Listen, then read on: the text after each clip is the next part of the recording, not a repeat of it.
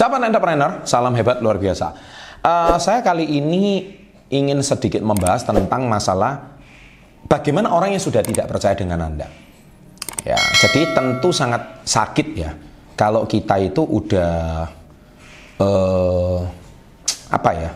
Menurut saya itu tidak mudah kalau orang itu sudah dilukai perasaannya, apalagi Anda sudah pernah tidak dapat rasa percayaan dari orang lain Nah, di sini saya akan berikan tipsnya 5 step dan cara yang meyakinkan agar orang percaya lagi dengan Anda.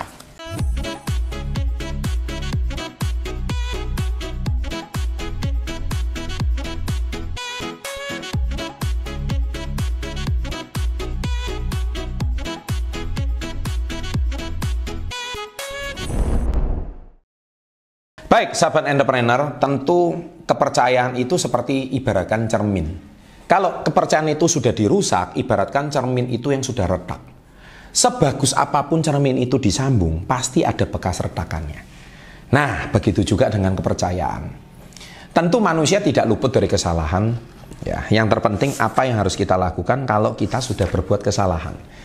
Nah, yang ada lima step di sini. Step yang pertama adalah mari kita mengakui kesalahan, berani, gentle, kita akui uh, saya minta maaf dengan apa yang setelah kesalahan yang saya lakukan.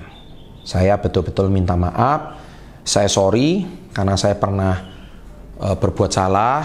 Saya pernah akui kesalahan. Jadi secara gentle Anda akui.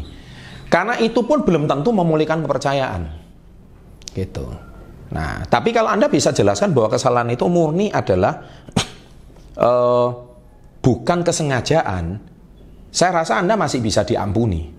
Tapi kalau kesalahan itu murni karena kesengajaan, tapi ada faktor tekanan, tekanan contohnya tekanan finansial, keluarga yang mau hutang, sehingga Anda mungkin contohnya Anda ngambil uang perusahaan, contohnya gitu. Ya Anda harus minta maaf, dan ini Anda harus akui secara gentle. Karena orang mau pakai Anda lagi atau mau bekerja sama dengan Anda lagi itu sudah jelas gak mungkin. Termasuk masalah asmara. Orang itu sakit gitu ya kan? Nah, yang kedua, step kedua, jelas Anda harus minta maaf. Nggak ada alasan lain. Karena akui kalau salah. Nah, masalahnya Anda itu pengecut nggak? Kalau Anda orang yang pemberani, Anda orang yang gentleman, akui. Datang, jabat tangannya, saya minta maaf, saya salah. Nah, masalahnya, Anda bisa nggak mengakui hal seperti itu kalau sendiri membuat kesalahan? Yang ketiga, Pulihkan kepercayaan bukan dengan kata-kata, tapi dengan tindakan. Jadi kalau memang Anda diberikan, nah ini yang paling sulit, diberikan second chance. Second chance itu apa sih? Kesempatan kedua.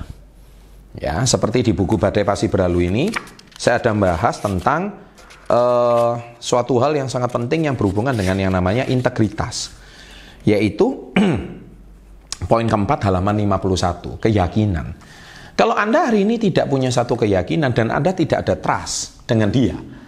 Dan dia juga jika tidak ada trust dengan Anda itu sangat sulit sekali. Terpaksa harus dipecat, harus diganti orang baru, putus koneksi, putus partnership. Kalau hubungan apa pacaran juga kita harus lu sekarang juga harus seperti itu harus diakhiri. Karena kita tidak menemukan kesepakatan dan kecocokan. Nah, kalau kita hari ini me menceritakan masalah tindakan tersebut, ya tunjukkan kalau memang Anda betul-betul komitmen. Kalau enggak ya Jangan harap Anda mendapatkan kepercayaan itu lagi karena bisnis itu it's all about trust. Kalau Anda nggak punya trust ya jelas nggak bisa. Itu ya. Yang poin yang keempat adalah meneruskan langkah yang kalian siapkan setelah minta maaf. Jadi setelah Anda minta maaf, Anda buktikan dengan tindakan memang kinerja Anda bagus. Tunjukkan step-stepnya yang kalian lakukan. Memang kontribusinya apa? Gitu. Jadi perbaikannya apa? Komitmennya apa? Karena hati yang terluka itu hanya bisa disembuhkan oleh satu, waktu.